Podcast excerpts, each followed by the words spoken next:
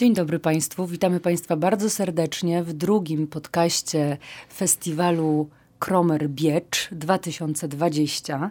E, tym razem znowu nie jestem sama. Mm, Georgina Gryboś z tej strony, natomiast ze mną dwóch fantastycznych dżentelmenów, e, czyli e, dzisiejszy gość, pan Paweł Kocańda, doktorant w Instytucie Archeologii Uniwersytetu Rzeszowskiego. Dzień dobry. I Paweł Szczepanik, dyrektor festiwalu Kromera. Dzień dobry. Spotykamy się dzisiaj, żeby poopowiadać nie o muzyce, nie o festiwalu, ale o miejscu naszego muzycznego spotkania, yy, które odbędzie się w tym roku, tak jak już wspominaliśmy, a porozmawiamy o historii Biecza i o tym, co się wydarzyło w ciągu ostatnich trzech lat. I mamy nadzieję, że my nie będziemy mówić za dużo, natomiast nasz gość będzie nas edukował nie tylko archeologicznie, ale mam nadzieję, że też historycznie i lokalnie. I mamy nadzieję, że tym samym zachęcimy Państwa do przyjazdu, niekoniecznie nawet na koncert, chociaż zapraszamy jak zawsze, ale też po to, żeby zobaczyć e, w jak niezwykłym miejscu, z jak niezwykłym miejscem będziemy mieli do czynienia. E, panie Pawle, proszę opowiedzieć, co się przez te trzy lata wydarzyło i jak to się, jak to się stało, że pan się w tym bieczu znalazł. To dosyć długa historia, ale e, skoro mamy chwilę czasu i tak jak pani powiedziała, ja będę głównie mówił, to, to się rozgadam. E, no zaczęło się to 3 lata temu, równo 3 lata temu. E, dwóch Bieczan, e, Krzysztof Filipiak i Damian Nowak, chcący ożywić Biecz turystycznie z namaszczeniem pana burmistrza, pana, pana Mirosława Wędrychowicza, przyjechali do Instytutu Archeologii w Rzeszowie z poszukiwaniem chętnych archeologów, którzy utworzyliby na terenie miasta stałą bazę archeologiczną. Początkowo trafili do naszego rektora, profesora Sylwestra Czopka, który bardzo miło ich przyjął e, i skierował ich do dyrektora Instytutu, e, pana profesora Andrzeja Rozwałki, który również bardzo owocnie i bardzo chętnie e, zaczął rozmowę która już dała pewne, pewne efekty. Mianowicie stworzył się taki niewielki zespół złożony właśnie z pana profesora Rozwałki, z pana profesora e, Zbigniewa Pianowskiego, wybitnego znawcy architektury, znanego tutaj w Krakowie chociażby ze względu na badania na Wawelu. E, mnie w skromnej osobie, pana e, profesora Jana Malczewskiego, niestety już świętej pamięci, urbanisty. I panów z Biecza, czyli pana Nowaka i pana Filipiaka. Umówiliśmy się na pierwsze spotkanie w Bieczu, przyjechaliśmy, oni nas oprowadzili, spotkaliśmy się z panem burmistrzem. E, no i tak praktycznie zaczęła się nasza współpraca, bo niemalże już od pierwszego spotkania dostaliśmy propozycję prowadzenia badań archeologicznych w Bieczu. E, wytypowaliśmy sobie kilka punktów do badań. Oczywiście wcześniej też e, przygotowaliśmy się pod kątem archeologiczno-historycznym. Przygotowaliśmy notatki, kwerendy zrobiliśmy, co w tym Bieczu jest, jak wygląda historia Biecza i co można kopać, co należy zbadać. No i praktycznie już, już na samym początku dostaliśmy propozycję badań. Wytypowana została, wytypowana została Góra Zamkowa i E, i gród starościński i poszukiwanie tej tajemniczej baszty katowskiej. Biecz znany jest ze swoich katów, więc kaci musieli mieć swoją siedzibę, więc mieliśmy znaleźć tą basztę. A właśnie przepraszam, że panu teraz przerwę a propos katów, ponieważ ostatnio przypominaliśmy na y, fanpage'u festiwalu historię związaną ze szkołą katów. Y, między innymi padło pytanie, jak to w końcu było, ponieważ y, jako tako szkoła katów nie istniała w Bieczu było to gdzieś później y, sfabrykowane przez y, XVI-wiecznego, o ile dobrze pamiętam, czy później działającego... Chyba późniejszego y, dziennikarza. Dziennikarza, dziennikarza. Właśnie było tak szumnie nazwane, że trochę mnie zmylił, zmylił właśnie wiek, który był podany i nazwa profesji, dlatego się upewniam u pana. Mm, natomiast działał, działało prawo Miecza. Miecza. W związku z tym dorobiono do tego chyba troszkę ideologię szkoły katowskiej jako takiej. Niemniej kaci funkcjonowali i mieli swoich uczniów. Tak, tak. E, KAT to była instytucja związana z e, prawem niemieckim, a że Biecz został prawdopodobnie w drugiej połowie wieku XIII albo na przełomie wieku XIII-XIV lokowany na prawie niemieckim, stąd musiał też mieć instytucję KATA. E, tej szkoły chyba nie było, raczej ja bym obstawiał, że był to cech albo jeden z cechów miejskich, albo w kat wchodził w cech inny, e, chociażby rzeźniczy. cyrulików, rzeźniczy na przykład też jak najbardziej. Jak dentyści. E, tak, zresztą kat nie zajmował się tylko ścinaniem głowy, e, zajmował się leczeniem, wyrywaniem zębów, ziołolecznictwem, a jego pachołkowie chociażby sprzątali ulicę, także to była bardzo, bardzo taka profesja wszechstronna. To bardzo ładnie pan to określił, bo nam się kat nawet ze szkoły kojarzy jednoznacznie. Nie przypominam sobie takich lekcji, na których moglibyśmy z radością omawiać ziołolecznictwo w wykonaniu kata w, tak. na danym terenie. Byłoby to dziwne, kiedy zakapturzony pan podaje leki, no ale z samymi widocznymi oczkami kojarzący się z Kuku Klanem, czyli też niedobrze. Dokładnie, dokładnie. Ale KAD jednak był, był instytucją w mieście potrzebną, e, wymierzał sprawiedliwość, oczywiście torturował, on nie zawsze ścinał czy, czy wieszał, ale też torturował, bardzo skuteczny był, e, bardzo skuteczni byli kaci w torturowaniu, potrafili wyciągnąć całą prawdę. I tylko e, prawdę. I tylko prawdę, nie zawsze, chociaż taka torturowana osoba nawet jeśli nie przewiniła, to i tak w końcu powiedziała prawdę, więc... A jak mogę podpytać, e, znamy techniki e, bieckie przynajmniej. Było coś wyjątkowego e, w katach bieckich, jeśli chodzi właśnie o tortury, czy trzymało się standardów? Raczej trzymało się standardów, aczkolwiek tutaj odesłałbym do, do przyszłego Muzeum Katów, jakie w Bieczu powstaje i do chyba najwybitniejszego specjalisty, jeśli chodzi o katów bieckich, czyli pana Krzysztofa Filipiaka. On myślę, że dużo więcej by na ten temat powiedział, specjalizuje się w tym e, i buduje maszyny tortur, więc na Może pewno. Mam nadzieję, że tak. tylko dla hobby. E, wiem, że zdarza się, że te maszyny tortur wystawiane są na rynku i można topić, tak, czy, tak. czy nie wiem, czy wieszać, ścinać. Coś można na pewno robić. Jeszcze tego nie widziałem. Nie wiadomo ale... z jakim skutkiem. Tak, tak, ale chętnie popatrzę. Przepraszam, ale ja panu przerwałam, więc wróćmy do prac y, archeologicznych. Tak, tak. Także mm, tak jak mówiłem, po pierwszym spotkaniu już od razu wyklarowały się pewne, pewne punkty, które, które mogliśmy, o które mogliśmy się zaczepić. Y, I pierwszym takim punktem był niewielki, co prawda, nadzór bardzo zaskakujący dla miasta, ponieważ miasto po raz pierwszy od dłuższego czasu miało okazję zetknąć się z archeologią przy okazji inwestycji, bo chodziło o przebudowę ulicy 3 Maja w Bieczu e, przy, przy dworcu PKP i tam e, ujawnione zostały pochówki dosyć niespodziewanie, zaskakująco dla wszystkich, no bo nikt się nie spodziewał, znaczy myśmy się spodziewali tego, natomiast nie, nie spodziewał się inwestor, nie spodziewał się wykonawca. No i od razu zostaliśmy ściągnięci. Ta współpraca wyszła bardzo dobrze, bo nie spowolniliśmy tej inwestycji, o co, o co były obawy ze strony chociażby Urzędu Miasta. Pochówki zostały wybrane, obecnie są analizowane, bardzo jest zły stan zachowania, stąd ta analiza bardzo długo trwa, a w Rzeszowie jest tylko jeden antropolog, stąd ma małą siłę przerobową. A coś możemy już powiedzieć? Czy kompletnie jeszcze y, nie są znane y, wyniki Chociaż no, o wynikach to ciężko mówić, skoro jeszcze prace trwają, ale czy coś już wiemy w ogóle? Tak, dużo wiemy. Dużo wiemy.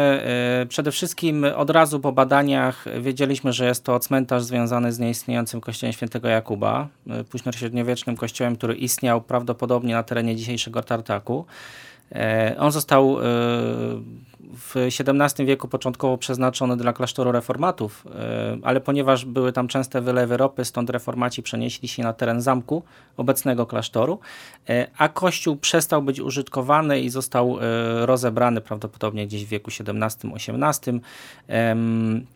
Natomiast funkcjonował tam cmentarz, prawdopodobnie też być może do tego wieku XVII-XVIII i z tym cmentarzem należy powiązać te pochówki. Byli to zarówno mężczyźni, jak i kobiety. Zdarzały się też dzieci, dzieci czy nawet noworodki, także jest bardzo różnorodny, e, bardzo różnorodny przedział wiekowy. Prawdopodobnie osoby biedne, z tego względu, że był to teren zalewowy, więc bogatsi chcieli się chować w innych miejscach, a ci biedniejsi, nie mając wyboru, po prostu na tym terenie musieli zostać pogrzebani.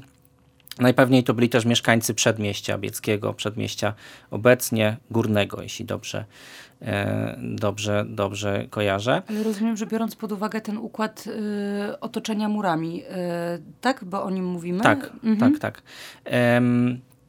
Stąd, stąd takie to właśnie pochówki. Y, analiza antropologiczna wykaże dokładny przedział wiekowy. Będziemy wiedzieć, y, czy te osoby były w przedziale wieku na przykład od 10 do 20 i tak dalej. Y, poznamy ich choroby, bo wiem, że pani antropolog już kilka ciekawych rzeczy znalazła, także nie były to osoby idealnie zdrowe, ale też jakieś posiadające jakieś defragmentacje chociażby kolan, jakieś krzywizny, coś takiego, coś takiego. Także ten przedział informacji będzie dużo większy niż obecnie jeszcze. No to fantastycznie. Czyli od, zaczęło się od yy, niefortunnego natrafienia na miejsce pochówku, ale docelowo były dwa inne miejsca wyznaczone, tak? Tak, tak. Docelowo były dwa inne miejsca. W 2017 roku zaczęliśmy badania przy Grodzie Starościńskim na, na, Skarpie nad Ropą. Były to badania krótkie, bo trzytygodniowe. Brali udział studenci z Instytutu Archeologii, a także wolontariusze Biecza. E, tutaj troszkę zbiję z tropu, ja jestem pod wielkim wrażeniem jako archeologa. Prowadziłem badania już w wielu miejscach.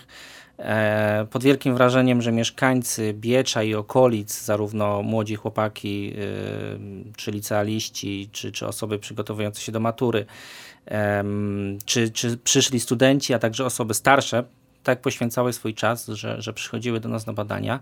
Mieliśmy bardzo dużą grupę wolontariuszy, większą niż studentów. E, I w pewnym momencie był kłopot, co z nimi zrobić. Nie można ich wyrzucić, no bo, no bo przychodzą sami z siebie, także staraliśmy się to wszystko pogodzić. Zresztą mamy taką pewną grupkę już wypracowaną, y, która pomaga nam, pomagała nam w każdych badaniach, jakie prowadziliśmy na terenie Biecza. Ja liczę, że ta współpraca będzie nadal się kontynuowała. Y, także ci wolontariusze naprawdę w Bieczu są super i, i mam nadzieję, że nadal będą dopisywać.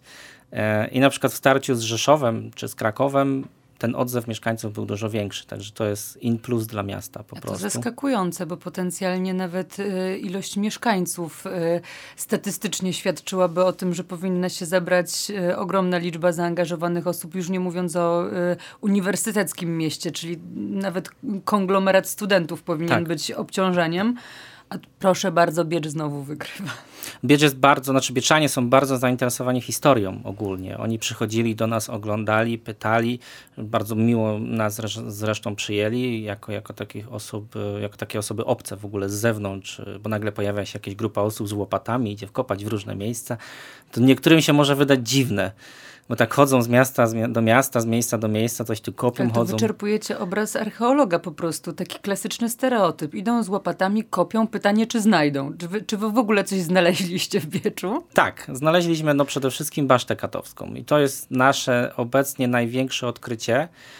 Um, Obiekt, który był znany z ikonografii, znany z źródeł, e, ale nie istniał do, do, dnia dzisiejszego. Zresztą niektórzy historycy mylili Basztę Katowską chociażby z Basztą Radziecką e, obok dzisiejszego muzeum. Także samo zlokalizowanie baszty, y, odsłonięcie jej w całości, bo istniała obawa, że w ogóle po niej nic nie pozostało, natomiast został jej cały zarys, całe mury fundamentowe, bardzo dobrze zachowane. No i obecnie wiemy, że była to budowla prostokątna o wymiarach 8 na 6 Ale tam podobno coś się pojawiło dziwnego z tymi fundamentami. Czy dobrze mi y, jaskółki bieckie doniosły, czy mi źle doniosły? Tak, pojawiło się bardzo coś dziwnego. Y, obecnie to jeszcze analizujemy, ale mamy już pewne swoje przypuszczenia. Mianowicie podłoga baszty była wyścielona warstwą spalenizny prawdopodobnie związaną albo ze rozbiórką baszty, albo z jej, z jej y, spaleniem w jakimś tam okresie historycznym. E, natomiast no i pobraliśmy oczywiście do, do badań e, C14 próbki tej, tej spalenizny. Cztery próbki były jak najbardziej w porządku, bo one wykazały wiek XVII, czyli zgadzało się to z, e, z, naszymi, z naszymi przypuszczeniami, że baszta w wieku tam XV-XVI została mocno przebudowana. Natomiast jedna próbka była dla nas zaskakująca i rewelacyjna, ponieważ wyszedł nam przełom wieku XIII-XIV. E, te informacje jeszcze nie opublikowaliśmy, aczkolwiek już niedługo będziemy, będziemy publikować nasze, nasze badania. No i stanęliśmy przed dużą zagwozdką, skąd się tam wzięło i czy trzeba to brać na poważnie. Po rozmowach z, z profesorami, specjalistami z dziedziny badań radiowęglowych, czy z Krakowa i, i Poznania, okazało się, że ta próbka pochodzi z drewna dębu, jest czysta, a niemalże idealna, więc nie można jej lekceważyć, nie była tam wtrętem albo nie była zanieczyszczona przez nas w czasie pobierania. E, więc na ten etap, na tym etapie przypuszczamy, że było to drewno, dąb wzięty z jakiegoś dużo starszego obiektu, być może dworu królewskiego, który istniał obok, tam gdzie jest obecny e, szpital Świętego Ducha mm, i wykorzystany do budowy baszty. Do budowy baszty w jej pierwotnej fazie, czyli w prawdopodobnie, bo basztę datujemy jej pierwotną, początkową fazę na drugą połowę wieku XIV, pierwszą połowę wieku XV, więc prawdopodobnie drewno zostało wtedy wykorzystane. Dąb jest oczywiście drewnem bardzo dobrym, potrafi bardzo długo, bardzo długo wytrzymać, więc po prostu, a mieli materiał blisko, więc wykorzystywali ten materiał, który był w pobliżu. Ten dom został wykorzystany prawdopodobnie przy budowie stropu. E, a później oczywiście, czy tam się spalił, czy, czy, czy, czy zgnił, spadł do podłogi, no i dzięki temu mamy taką super e, informację, bo jest to najstarsza obecnie e, data radia węglowa w Bieczu. Więc tutaj jest się też Stareńki czym ten Biecz. Tak, tak, tak. Biecz jest bardzo stary. Nie każdy sobie zdaje z tego A sprawę. Proszę mi powiedzieć, czy poza y, takim powiedzmy, że dużym elementem architektonicznym, będę mówić jak laik, ale wszyscy wiemy o co chodzi. Czy znaleziono jakąś drobnicę, że tak to nazwę, czyli jakieś elementy, które powiedzmy możemy dopasować czy do, nie wiem, obszaru życia jak, jakichś ludzi, jakiejś pozostałości narzędzi, cokolwiek, co powiedzmy jesteśmy w stanie zobaczyć na przykład na jakiejś wystawie czasowej. Życzylibyśmy sobie pewnie, żeby były takowe. E, tak, znaczy Taka wystawa się odbędzie już 29 lutego w tym tygodniu. Y, będziemy mieli spotkanie z mieszkańcami, na którym po raz pierwszy zaprezentujemy zabytki. E, a tej drobnicy było dużo, bo mamy chociażby monety, monety XVII-wieczne, XVI-wieczne e, i jedną później średniowieczną. Mm, jak będziemy rozmawiać o Górze Zamkowej, to powiem o niej coś więcej. No i oczywiście mam bardzo dużo przedmiotów e, związanych z życiem codziennym, chociażby podkówki do butów, e, ceramikę bardzo różnorodną, od ceramiki późno-nowożytnej, niemalże współczesnej, po, po ceramikę e, średniowieczną, porównywalną do ceramiki krakowskiej chociażby i kafle. I kafle nas bardzo zaskoczyły, ponieważ już poza murami baszty natrafiliśmy na śmietnik prawdopodobnie, gdzie wyrzucano kafle z dawnego dworu wójtowskiego. E, I te kafle okazały się bardzo fajne, bardzo interesujące, bo mamy przedstawienia czy to orła, czy świętego Jerzego pokonującego smoka, e, czy tak zwanego młodzieńca w arkadzie. E, no i na ten moment te kafle można by porównywać do kafli wawelskich niektórych, bo, bo takie, takie przedstawienia zdarzają się chociażby na kaflach wawelskich. Co prawda te wawelskie są troszkę wcześniejsze, no ale wiadomo Kraków emancypował tą kulturą, więc ona docierała do tych ośrodków mniejszych troszkę później. No ale Bierz jest nazywany Małym Krakowem, więc no musimy e, się podciągać. Mogą, tak, możemy tak. zacząć od kafli. Możemy zacząć od kafli. Bierz się może też pochwalić pięknymi fortyfikacjami, które dorównują krakowskim a być może są nawet lepiej zachowane, bo nie zostały tak rozebrane jak, jak e, mury miejskie Krakowa. No i pod względem fortyfikacji Biecz niemalże miastu Kraków dorównywał. Skalą, proszę słuchać uważnie. E, skalą fortyfikacji może nie, ale również miał swój barbakan. Także, e, także jest się czym chwalić, bo tych, tych miast, które posiadały barbakan było niewiele. E, Biecz był chyba jedynym, albo obok Tarnowa jeszcze, e, drugi, trzecim miastem w Małopolsce po Krakowie właśnie, który, który ten barbakan posiadał. 16 baszt, e, mury miejskie, wały dodatkowo w XVII wieku usypane, trzy zamki, to, to jest większa liczba niż w Krakowie, bo Kraków ma tylko jeden, a Biecz miał trzy. Także no, pod kątem też fortyfikacji, czy tej architektury, która jest zachowana pod ziemią, jest się czym pochwalić i Miejmy nadzieję, że w przyszłych latach e, będzie więcej jej do oglądania, dzięki chociażby badaniom archeologicznym. No to Góra Zamkowa w takim razie. To tak muszę pana przeciągnąć. Tak, przez, skoro tak. pan wywołał tematy, to już nie mogą pozostać bez echa. E, nie ukrywamy, że Góra Zamkowa e, od początku nas interesowała. Z tego względu, że jest to kolebka Biecza prawdopodobnie. Tam Według badań w latach 60. znajdowały się osady związane z kulturą łużycką, czyli z kulturą, z kulturą istniejącą w epoce brązu.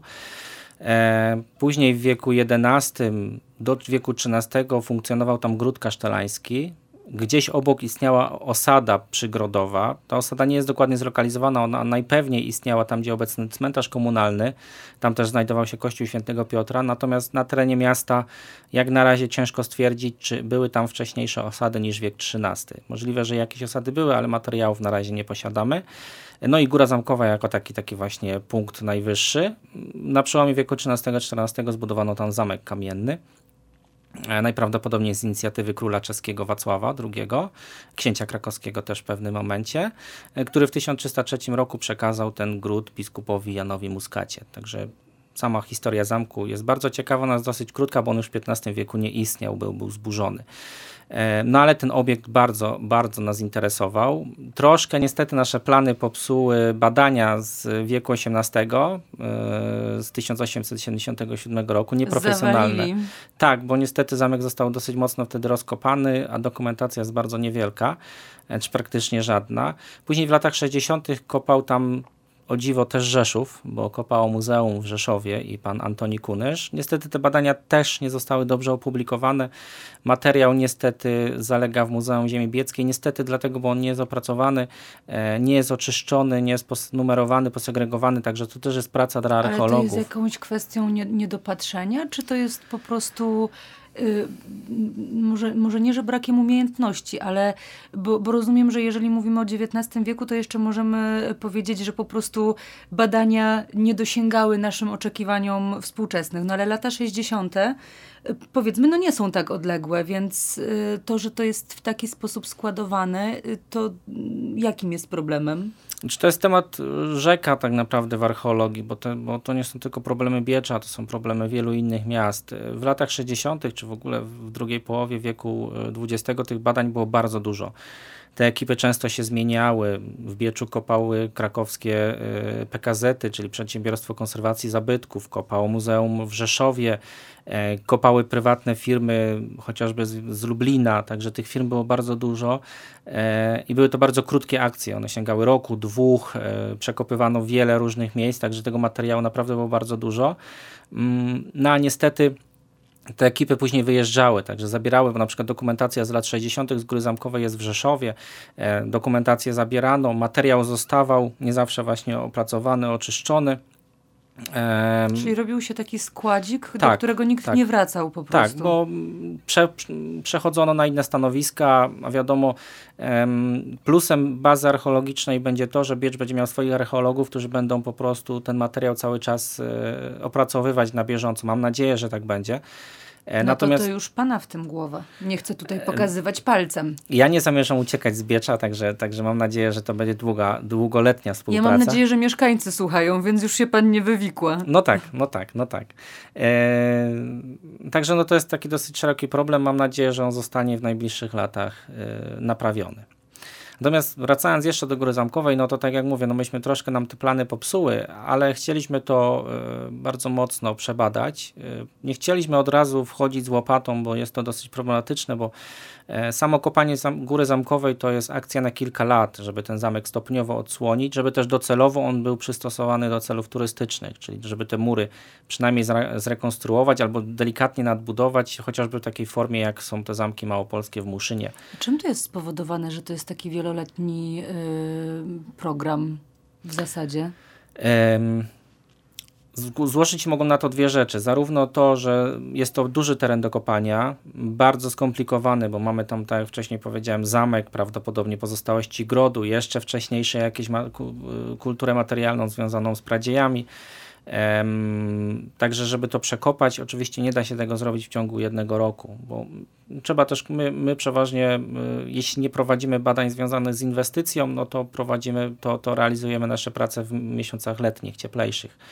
Co prawda teraz tych zim nie ma, no ale, tak, tak, tak ale, ale to jest oczywiście związane e, z tym, z tym, e, z czasowością, też z dostępem do studentów, czy do wolontariuszy, czy do pracowników.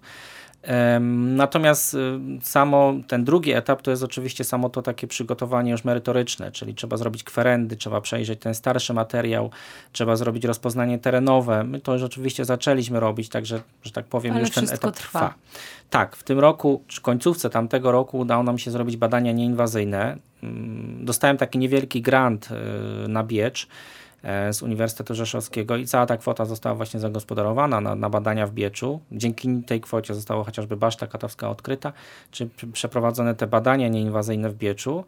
One nam dały rewelacyjne A wyniki. Co to znaczy badania nieinwazyjne? E, badania, które nie powodują... Bez łopat. Bez łopat, tak. Bez łopat, które e, tutaj akurat w przypadku Biecza mieliśmy badania georadarem, e, badania geofizyczne związane z techniką elektrooporową, czy geofizyczną, czyli te struktury takie... Brzmi to strasznie. Tak, ja sam się na tym dobrze nie znam, bo to robili specjaliści. Są jakieś pewne fale, które odbijają się chociażby od murów i później na komputerze odczytujemy taki obraz, zarysy, które my interpretujemy na różny sposób. E, no i taki obraz, takie obrazy uzyskaliśmy po tych badaniach. No i częściowo obraz zamku troszkę się zmienia niż, niż ten, który znaliśmy do tej pory bo prawdopodobnie wyszły nam nowe budynki, nieznane ani z tych badań w, w XIX wieku. A, w ogóle budynki? Tak, tak, całe budynki y, wypełnione gruzem oczywiście i tak dalej, rozebrane częściowo. No ale jednak są, nie były one poznane wcześniej. Także tutaj pod tym kątem mamy bardzo fajne wyniki. Wieża okazała się troszkę mniejsza niż dotąd przypuszczano, ponieważ y, średnica wieży wynosiła według tych starszych badań 10 metrów. E, I ona była porównywana do takich samych wież, czy w Czorosztynie, czy w Myślenicach, czy, czy w Rytrze. Mm, obecnie jest troszkę mniejsza, e, bo jej średnica wychodzi 8,5, może 9 metrów. Oczywiście trzeba wziąć błąd no to pomiarowy. Już się tam nie zagłębiajmy. Tak, tak. To jest niby szczegół, ale jednak dla naukowców dużo dający. Istotny. Także już mamy te, te badania nieważnie zrobione. Mam nadzieję, że w tym roku uda się zrobić badania sondażowe, czyli takie wstępne badania przygotowawcze, polegające na otwarciu może jednego, może dwóch wykopów, mm, które, które będą takim preludium do, do badań tych już pełnych, takich, które planujemy może w przyszłym roku, może za dwa lata. A spodziewa się Pan jakiegoś szaleństwa? Czegoś w ogóle, co będzie ewenementem na jakąś większą skalę? W Bieczu tak tak, myślę, że. Po bieczu można się wszystkiego spodziewać. Można się wielu rzeczy spodziewać. Myślę, że tak. Samo odkopanie tego zamku będzie duże wyzwanie i dla samego Biecza, i, i dla nas jako archeologów, ale będzie też dużym wydarzeniem naukowym i pewnie popularyzatorskim też. No i spodziewamy się kilku, kilku ciekawych odkryć yy, w okolicy Biecza, bo my oczywiście nie ograniczamy się e, do samego Biecza. Biecz będzie dla nas bazą wypadową, ale będziemy też troszkę rozszerzać nasze działania E, na, mm, na te sąsiednie miejscowości. Do może... Binarowej chcecie jechać może? Myślę, muszę że tak. Myślę, że tak. Kościół Binarowej jest bardzo ciekawym obiektem i co prawda archeologów jeszcze tam nie było, ale możliwe, że w przyszłości Może będziemy. będą. Tak, tak. Natomiast w tym roku byliśmy w Kobylance, tutaj troszkę odbije od Biecza. E, no i w Kobylance znaleźliśmy obiekt obronny, nikomu wcześniej nieznany. E, myśleliśmy, że jest to grudek stożkowaty, czyli późno-średniowieczna siedziba rycerska. Po badaniach nieinwazyjnych raczej nie jest to to, co przypuszczaliśmy. Może to być coś wcześniejszego. E, czy to będzie wczesne średniowiecze, czy, czy epoka pradziejowa, to byłoby w ogóle rewelacyjne, bo byłoby to najdalej wysunięte grodzisko e, na zachód od Trzcinicy, bo Trzcinica jest takim ostatnim grodem pradziejowym. No właśnie, Trzcinica też zrobiła trochę zamieszania parę lat temu. Tak. Pojawieniem tak, się na mapie. Więc czemu by nie Biecz? Yy, miał, miał przejąć tę, tą rolę czcinicy. A no właśnie, bo yy, mogę pana podpytać, bo jeżeli rozmawiamy i nakłaniamy do tego, żeby przyjechać w ogóle yy, do ziemi bieckiej, nawet nie tyle do Biecza, to parę takich elementów moglibyśmy yy, ościennie wymienić, prawda? Które warto by było zobaczyć nawet podczas, nie wiem, weekendowej wycieczki powiedzmy. Tak, Biecz jest bardzo dobrą bazą wypadową do zwiedzania okolic. W Bieczu co prawda obecnie nie ma tej dużej bazy noclegowej niestety, ale pewnie się to wkrótce zmieni.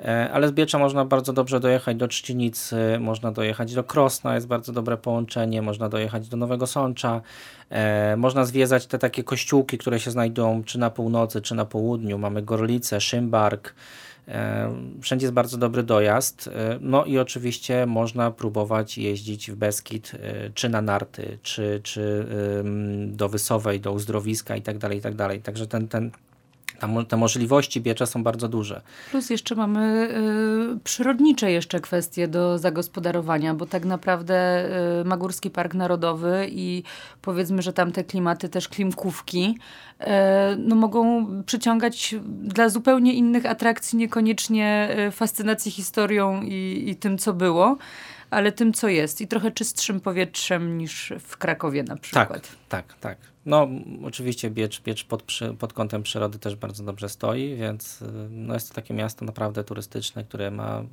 bardzo duże możliwości do rozwoju pod tym kątem. No właśnie, pan widzi potencjał w Bieczu? Y, tak, ja widzę. Pomimo tego, iż tam nie ma przemysłu, może na szczęście, że nie ma przemysłu, pomimo tego, iż y, nie ma super drogi w rozumieniu autostrady czy tak dalej, to jednak Biecz e, w moim mniemaniu ma szansę na rozwój i, i, mam nadzieję, że to nastąpi. No, tutaj nie wspomniałem, Biecz ma też bardzo dobre połączenie ze Słowacją i powinien się chwalić tymi kontaktami ze Słowacją, bo na przestrzeni lat, e, czy w średniowieczu, czy, czy w czasach nowożytnych utrzymywał kontakty em, z Bardejowem, handlowano winem, innymi towarami, suknem. Biecz oczywiście posiadał prawo składu, więc, więc te towary musi, przechodziły przez Biecz jako, jako jeden z głównych ośrodków takich handlowych w Małopolsce. No i tu nawiązując jeszcze do archeologii, Biecz e, te kontakty handlowe utrzymuje od czasów pradziejowych, bo mamy w epoce rzymskiej mamy bardzo dużo nagromadzenie monet rzymskich w Bieczu. A, obiecał mi pan e, e, historię monety e, przy okazji Góry Zamkowej, tak, dobrze pamiętam. Tak, tak, tak. Z tą monetą była taka historia, że no, nikt się nie spodziewał, że na, na powierzchni gruntu niemalże, bo tam może do 20 cm głębokości, no trafimy na monetę średniowieczną, bo jest to denar jagielloński z czasów y, Kazimierza Jagiellończyka, czyli druga połowa wieku XV, bardzo cenna i bardzo fajna moneta. E, no bo jedna z najstarszych. Co to znaczy w slangu archeologicznym fajna moneta? Bo bardzo dobrze nam datuje chociażby rozbiórkę zamku już tą samą warstwę powierzchniową pod kątem rozbiórki, a wiadomo, on był roz, rozbierany po 1475 roku, więc ta moneta gdzieś krążyła właśnie pomiędzy chociażby tymi osobami, które zamek rozbierały, więc to jest bardzo, bardzo ciekawe znalezisko. No ale też pokazuje to, że jednak archeolodzy tam wszystkiego nie odkryli, bo już warstwa przypowierzchniowa daje nam taki fajny, taki ciekawy zabytek, który mam nadzieję, że będzie zakonserwowany i e... To macie co robić. Tak, tak, tak. No nie ukrywamy, to, że roboty jest, jest dużo. E, to nie jest tak, że e, wszyscy marzą o wyjeździe e, do Egiptu i siedzeniu, nie wiem, na Telefarcha albo gdzieś tam pod piramidkami i prześwietlaniu promieniami rentgenowskimi piramid w poszukiwaniu po prostu przyczajonych komnat, które na pewno gdzieś tam są. A pan dobiecza? Cudze chwalicie, swego nie znacie. Większość archeologów chciałaby pewnie, czy marzy jechać do Egiptu, aczkolwiek wyjazd do Egiptu i kopanie to nie jest wcale tam takie przyjemne, jak, jak nam się wydaje. Archeologia to nie jest Indiana Jones, to nie jest Lara Croft. Niektórzy by pewnie tak chcieli, przynajmniej tak chcieliby wyglądać jak, jak, jak Lara Croft i, i, Indiana Jones, ale to archeologia to E, buciory i łopata. Buciory i łopata, brudny strój i wyglądanie nie jak naukowiec, ale jak robotnik, e, za przeproszeniem i z całym szacunkiem oczywiście dla robotników z budowy. Mm, natomiast e, no, sama Polska macie czym chwalić. Mamy przecież chociażby Karpacką Troję, mamy Gniezno, Także te zabytki na ziemiach polskich może nie są aż tak efektywne czy efektowne jak, jak piramidy w, w Egipcie. E, czy jakieś miasta skalne. W... Ale my też mamy inną historię niż dokładnie, Egipt, więc dokładnie. ciężko y, szukać mianownika. Nie można tego porównywać oczywiście. U nas się ta kultura, czy ta, ta historia inaczej rozwijała. E, nie mamy piasku, więc nie możemy mieć piramid jako takich, więc y, no jest to troszkę, troszkę inaczej, aczkolwiek mamy się czym pochwalić i, e, i ci naukowcy z zagranicy też do nas przyjeżdżają, żeby u nas prowadzić badania. Zresztą takim ostatnio hitem praktycznie archeologicznym, sensacją archeologiczną jest grodzisko w Chotyńcu, odkryte właśnie przez naszych kolegów e, z, z epoki brązu. Także jest to grodzisko scytyjskie, naj, najdalej na, e, na zachód wysunięty tego typu obiekt w Europie. Także to jest też wielka rewelacja. Bardzo możliwe, że ci Scytowie, czyli ten lud koczowniczy, który mieszkał e, właśnie w obrębie tego grodu, najeżdżał nasz biskupin. Także to jest, e, to jest naprawdę rewelacyjne odkrycie i także jest się czym chwalić po prostu w Polsce. Ja teraz mam oczy jak pięciozłotówki i zaczynam zaciskać kciuki, żeby obieczu zrobiło się głośno, bo wykopiecie po prostu coś tak spektakularnego, że cały świat archeologii zadrży w posadach po prostu i wszyscy będą chcieli w Bieczu kopać. No może ja bym tego nie chciał, żeby tam wszyscy archeolodzy przyjeżdżali. No ale będziecie ale... mieli pierwszeństwo, no to trzeba tu się jakoś ustawić po prostu. Panowie zaczekają, my skończymy. Tak, tak, tak. No miejmy nadzieję, że takie odkrycia będą. No to też trzymamy kciuki w takim razie. Nie wiem, czy ty, Pawle, chcesz o coś zapytać? Właściwie chciałbym jednak o coś zapytać, to znaczy e, oczywiście e, Baszta Katowska i jej lokalizacja, czyli w okolicach Grodu e, Starościńskiego jest e, dość jasna, tak? Natomiast e, gdyby mógł pan trzy słowa powiedzieć o tym, e, w jaki sposób są rozplanowane pozostałe wykopaliska, bo właściwie Wzgórze Zamkowe, na przykład mnie jako osobie z Krakowa, nie mówi, nie mówi zbyt wiele. Pewnie gdybym był Bieczaninem, to wiedziałbym doskonale, w którym to jest miejscu. Górze Zamkowe w Bieczu, czy Góra Zamkowa, Góra Świętej Jadwigi, znajduje się po zachodniej stronie Biecza, bezpośrednio przy wyjeździe w stronę Gorolic. E, natomiast te obiekty związane z kościołem świętego Jakuba i klasztorem reformatów po wschodniej stronie, zaraz koło drogi na, e, na Jasło. E, takim jeszcze ciekawym punktem, skoro tutaj o tej baszcie jest mowa, można wspomnieć o Dworze Królewskim i Szpitalu Królowej Jadwigi. Tam też planujemy kopać. My tam planujemy robić koncerty. Tak, my tam dopóki Tylko my tego trzeba nie się dogadać, w którym momencie kto dopóki wchodzi. nie przekopiemy, nie pozwolimy nikomu tam wejść. Także ja tutaj mam taką umowę z panem burmistrzem. O nie. E, tam niestety nie pozwolimy nic ruszyć.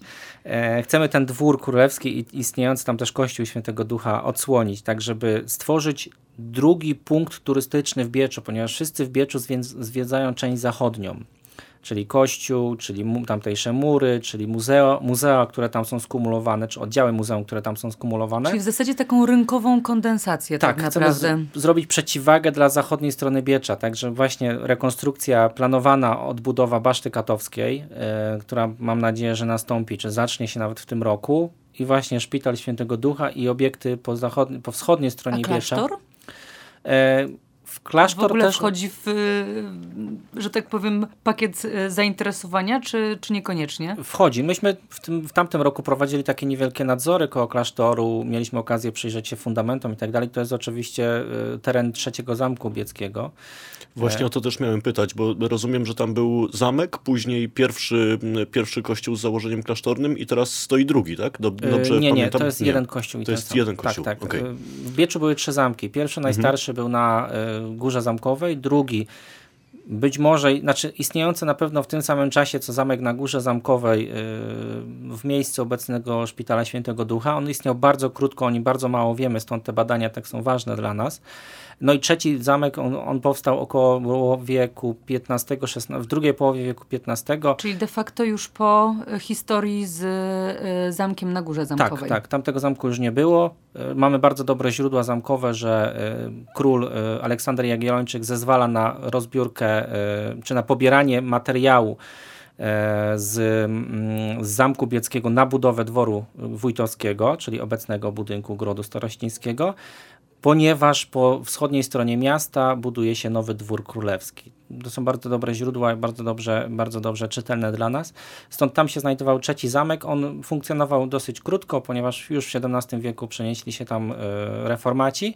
Prawdopodobnie przez chwilę mieszkali w budynkach zamkowych, natomiast później rozpoczęli sobie budowę kościoła.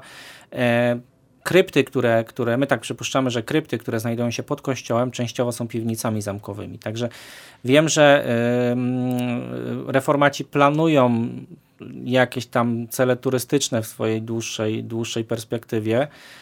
No więc ten klasztor też oczywiście jest do, jak najbardziej do, do realizacji jako punkt turystyczny. Ja mam jeszcze muzyczne pytanie, mogę? Bo teraz pomyślałam, czy wśród tych drobnych elementów, ja to tak cały czas. Czy to ma jakąś nazwę yy, inną niż drobnica? Zabytki ruchome można nazwać. Dobrze, zabytki, zabytki ruchome. Czy wśród zabytków ruchomych pojawiły się na przykład instrumenty, bądź jakiekolwiek rzeczy świadczące o tym, że byliśmy bardzo umuzykalnieni w, we wcześniejszych okresach? No nie będę kłamał, no niestety nie. Jeszcze się Holender. nie pojawiły.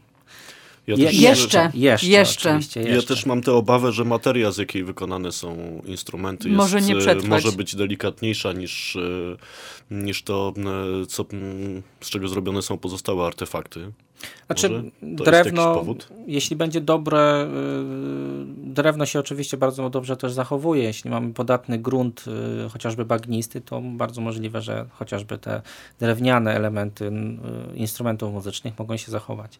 No, w średniowieczu też wykorzystywano cymbały, e, metalowe cymbałki, więc, więc te elementy oczywiście gdzieś w Bieczu mogą, mogą istnieć. To ja trzymam kciuki w takim razie, żebyśmy poszli w tym kierunku. Ja bardzo za Proszę cyn... tam zwracać uwagę. Ja zwłaszcza za cynki. Gdyby znalazł pan e, ustnik z kości słoniowej, to ewidentnie mój ulubiony instrument. Będziemy dawać znać oczywiście na bieżąco. Mamy swoją stronę na Facebooku, także też zachęcam do A, do to proszę przeglądania. proszę powiedzieć, podać, e, tak, gdzie, gdzie można zaglądać. To jest stała baza archeologiczna w Bieczu, e, strona na Facebooku. Tam wrzucamy wszystkie informacje, różne newsy z świata archeologii, z historii, czy rzeczy związane z Bieczem. Także jeśli ktoś jest zainteresowany, to oczywiście może tam podlinkować, podlajkować i, i być na bieżąco. E, Tam też będziemy oczywiście informować o naszych przyszłych planach. No i zapraszam e, nie tylko Bieczan, ale wszystkich zainteresowanych do, w sobotę 29 grudnia do szkoły e, numer 1 w Bieczu, gdzie zaprezentujemy... Lutego, przepraszam. Lutego, przepraszam, lutego, tak? Gdzie zaprezentujemy, zaprezentujemy nasze dotychczasowe odkrycia.